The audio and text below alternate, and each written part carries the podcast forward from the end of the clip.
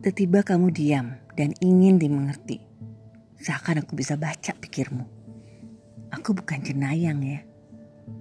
Seketika kamu meledak, celoteh tajam berhamburan menusuk tata arah. Aku bukan papan dart.